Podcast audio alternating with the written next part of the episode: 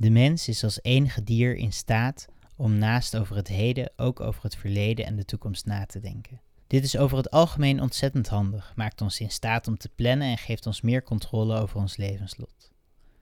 De keerzijde ervan is dat we ook veel bezorgdheid over diezelfde toekomst kunnen hebben, bijvoorbeeld als we plotseling in het ziekenhuis belanden. Gemiddeld duurt een ziekenhuisverblijf vier dagen, oftewel 96 uur. Maar dat kan ook veel langer worden omdat een patiënt ernstig ziek is. En wat als je helemaal niet meer terug kan keren naar je normale leven thuis? Je luistert naar De Wachtruimte, een podcast bij het project Moirai van Siba Sahabi. Ik ben Chris Rijks en ik spreek met verschillende mensen over bepalende gebeurtenissen in hun leven en hoe tijd daar een rol in speelt. In deze aflevering hoor je Erwin Compagne, die als klinisch ethicus op de intensive care van het Erasmus MC werkt. We nemen een patiënt op bijvoorbeeld met een, uh, een hele ernstige aandoening, zoals je alvleesklier uh, ontstoken raakt. En de alvleesklier die hebben we in ons buik zitten uh, om enzymen aan te maken die eiwitten en vetten oplossen. En die geeft die keurig aan onze darm af en daar, nou, daar wordt dat allemaal mee gewerkt. Als die ontstoken raakt, raakt die lek. En dan gaat hij die enzymen lekken in je vrije buikholte. Nou, slecht nieuws, want er zitten heel veel eiwitten en vetten in alle mogelijke andere organen. Dus die raken kapot. Die, raken, die gaan daar, kunnen gaten in darmen vallen door dat, door dat ontstekingsproces. Dus het is een hele ernstige ziekte. Nou, laten we, laten we een gefingeerde patiënt nemen. Een man van 45 jaar. Het zijn meestal zo van die mensen rond de 40, 50 jaar zo ongeveer. Man van 45 jaar, krijgt buikpijn, komt naar het ziekenhuis, is heel ernstig ziek.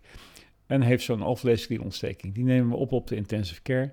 En wat we dan doen, is daar meerdere drains leggen we in de buik bij zo iemand. En daar spoelen we heel de dag uh, fysiologisch zout, dus een zoutoplossing, steriele zoutoplossing. Om maar die buik schoon te houden in een poging om dat proces te keren. Zo'n hele ernstige, als iemand een hele ernstige infectie krijgt, dan kunnen andere organen, kijk, het is allemaal samenwerking, dan kunnen andere organen ineens hun ook gaan falen. Dus zo'n patiënt die zal uh, bijna zeker aan de beademing komen, omdat zijn longen niet meer goed werken. Uh, hij, krijgt ondersteuning voor zijn hart en zijn bloeddruk. Uh, uiteindelijk kunnen ook de nieren het opgeven, dan moet hij aan de dialyse. En wij noemen dat multi-orgaanfalen. Zijn meerdere organen. En als er meer dan drie orgaansystemen falen, dan ben je heel, heel ernstig ziek en wordt de kans dat je het overleeft kleiner. Hij ligt daar en hij is heel ernstig ziek. Wat er dan gebeurt zijn twee en dat zijn hele ernstige complicaties. Het lijkt niet zo ernstig, maar het is het wel. Het eerste is omdat je dus zo ziek bent, lig je stil in bed, beweeg je niet en gaat je spierfunctie heel erg hard achteruit. We noemen dat sacropenie. Je ziet dan iemand ook gewoon helemaal spiermassa inleveren.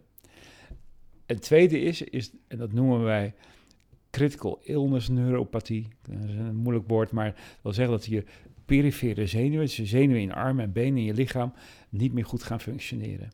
Nou, dat bij elkaar maakt dat je nog minder gaat bewegen. Je beweegt niet omdat je spierverlies hebt. En de zenuwen die die spieren aanspuren, die zijn ook ziek. Dus die worden niet meer aangestuurd. Dus wat je dan moet doen, is passief. Dan komen de fysiotherapeuten en die passief die, die benen en die armen doorbewegen. Nou, je ligt daar in je bed. Bij die, die ziekte die stabiliseert wat. Dus het acute is er vanaf, maar dat orgaanfalen is er nog wel. Zo'n patiënt die ligt dan in bed en die kijkt en die ziet om zich heen. Uh, en dan komen de, komen de eerste kaarten binnen van de familieleden, vrienden, wetenschap. Kom gauw eens thuis. En die plakken we allemaal aan de ramen, in de boxen, zijn patiëntenboxen. Familieleden nemen foto's mee van uh, zoals degene was. Maar ook foto's van de nou, de, de leuke momenten, de barbecue of de kerstviering met z'n allen, of wat, die worden aan de muur geplakt. Wat dan, als je dan ligt als patiënt en je ligt daar te liggen en je kan niks, dag in, dag uit, te wachten op iets wat niet komen gaat, maar waar je wel op hoopt.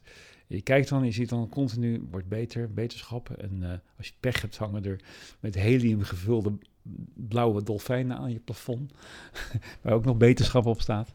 En wat er dan gebeurt bij zo'n patiënt is dat hij uh, sensorendeprivatie, dus een, is een, is een, een, een, hele lage input van prikkels. En uh, dat is uh, zien, horen, ruiken, proeven en voelen. Nou, daar word je, uiteindelijk word je daar redelijk gek van. Mensen worden gestraft door in isoleercellen te zetten met exact dezelfde bedoeling. En wij doen het dan ongewild, komt zo'n patiënt in die fuik van de sensorendeprivatie. Wat, wat dan gebeurt, kunnen dan twee dingen gebeuren. Of zo'n patiënt die raakt helemaal in de war daarvan, dealerant, delier, uh, gaat uh, hallucineren of en gaat allerlei gekke dingen zien. Nou, dat is ook een heel moeilijk proces om daar iets mee te doen. Um, of de patiënt die dissocieert. Die dissocieert, die zegt gewoon van... Ik kijk naar al die kaarten, overal beterschap. Ik zie die foto's van mezelf hangen zoals ik was. Ik kijk naar mezelf, er is geen spier meer over, ik kan niks meer bewegen. Ik lig in, ik weet niet, mijn god hoe lang ik al lig, maar ik lig hier al heel lang en het is continu hetzelfde. En de input is continu hetzelfde. Weet je wat, ik doe de deur dicht. Ik, uh, ik ga weg. En dat is heel indrukwekkend, maar dat is ook tegelijkertijd een heel ernstig iets. Want om de patiënt daar weer uit te halen, wordt heel moeilijk. Als er zo'n patiënt dan nog wakker is, hè, sommigen dissociëren niet en blijven wakker.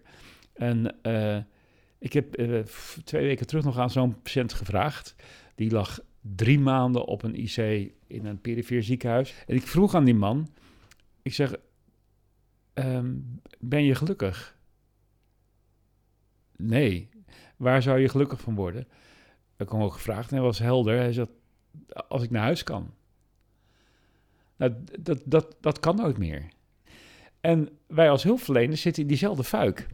Want die artsen en verpleegkundigen die zeggen, ja, maar als we nou nog even doorgaan, dan lukt het misschien toch nog. En als we de individuele fysiotherapeut vragen van, zou, je, zou het nog lukken om die wat spiermassa te krijgen? Ja, misschien wel. En de chirurg vraagt dan, hoe gaat het met die pancreatitis, met die alvleesklierontsteking? Ah, even geduld hebben, heel op zijn return. En dan vragen we aan de nierdokter van, kan die nog van de dialyse komen? Ja, misschien wel. Maar cumulatief bij elkaar gaat het niet meer worden. En dat, en dat zijn hele trieste patiënten, die zien we heel veel. En daar, daar zitten allerlei partijen omheen. En die partijen die wachten op iets wat er niet gekomen. En dat is, dat is, heel, in, dat is heel indrukwekkend. Familieleden zitten daar en die, ze, ze kunnen niks anders doen dan wachten.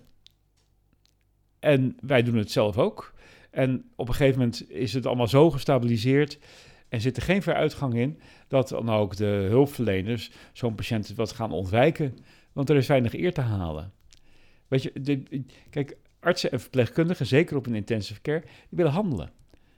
Er is een probleem en ik heb al mijn kennis en mijn skills en ik tak, tak, tak, ik ga dat oplossen.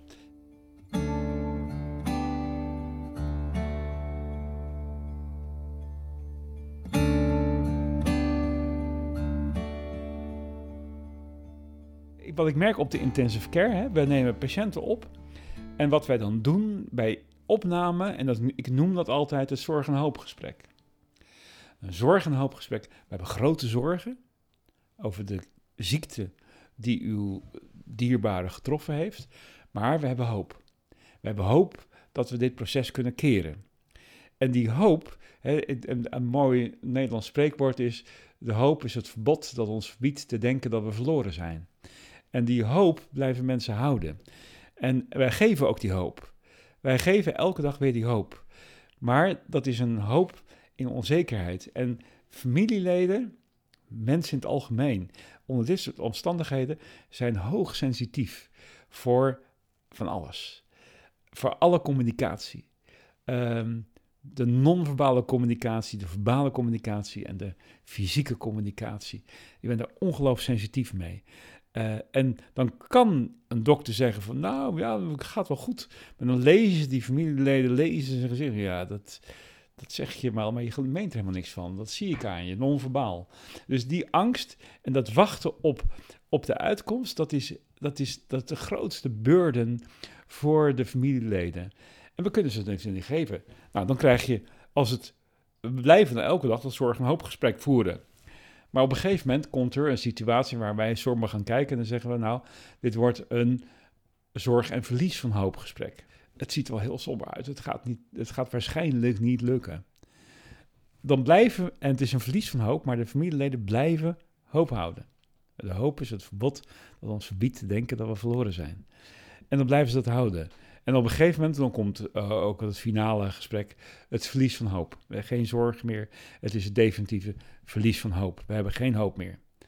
En dat komt dan, uh, soms zijn familieleden, en dat, is heel, dat klinkt heel raar, opgelucht dat dat gesprek er komt. Hè, jullie zeggen dat er geen hoop is. Wij zien dat al elke dag. Al drie weken lang zitten we daarop te wachten. En nu spreken jullie het uit. En, soms komt het ook natuurlijk onverwacht als mensen heel erg hoop gehouden hebben. Dat, maar dat, ook dat, de reactie van familieleden kan je niet voorspellen wat het zal worden. Ze zijn machteloos in wat ze kunnen doen. Het enige wat ze kunnen doen is over de bol haaien van hun familielid een hand vasthouden en, en zien, waarnemen uh, hoe iemand helemaal verandert. Uh, zeker bij de fuikelingen, die echt lichamelijk helemaal verandert en op een gegeven moment helemaal niet meer lijkt op degene die jou uh, dierbaar is.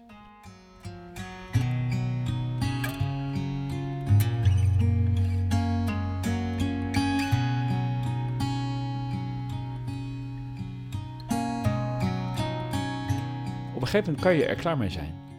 Dan kan je ook, dan heeft het proces ertoe te lang geduurd. En eh, weet je, dus mensen die mensen wachten echt op het verlossende oordeel van de behandelaars. We hebben geen hoop meer. En dat vinden ze dan ook ineens heel acceptabel. Uh, en, en, en berusten daar dan in. En dat is. Uh, als buitenstaander denk je, ja, maar wacht even, je moet er toch voor gaan en zo. nee, dat doe je dan niet meer. Dat is passé. Dat is, dat is gebeurd. Je ziet het ook bij echt chronische zieken. Mensen die heel lang ziek zijn. Uh, dat op een gegeven moment gaan ze dood. En dan zijn de familieleden eigenlijk opgelucht.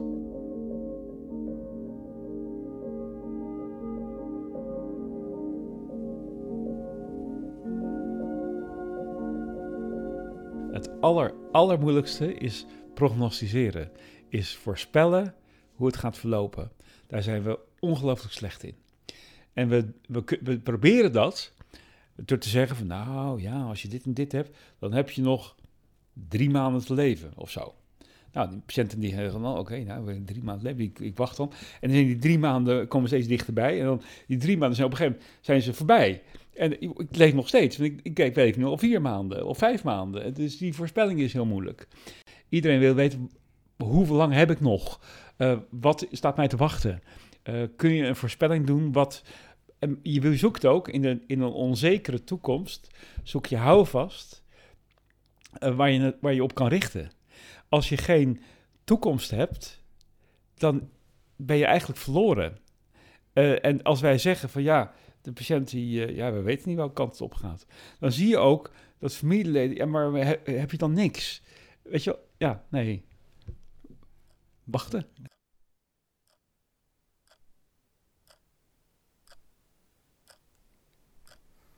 Dit was een aflevering van De Wachtruimte. Deze podcast is onderdeel van het project Moirai van Siba Sahabi, een interdisciplinair onderzoeksproject over de wachtervaring in het ziekenhuis. De podcast is geproduceerd door mij, Chris Rijksen. Dit project werd mogelijk gemaakt met steun van het Stimuleringsfonds Creatieve Industrie en met speciale dank aan Marcelino Lopez. Voor meer informatie ga naar www.moirai.nu.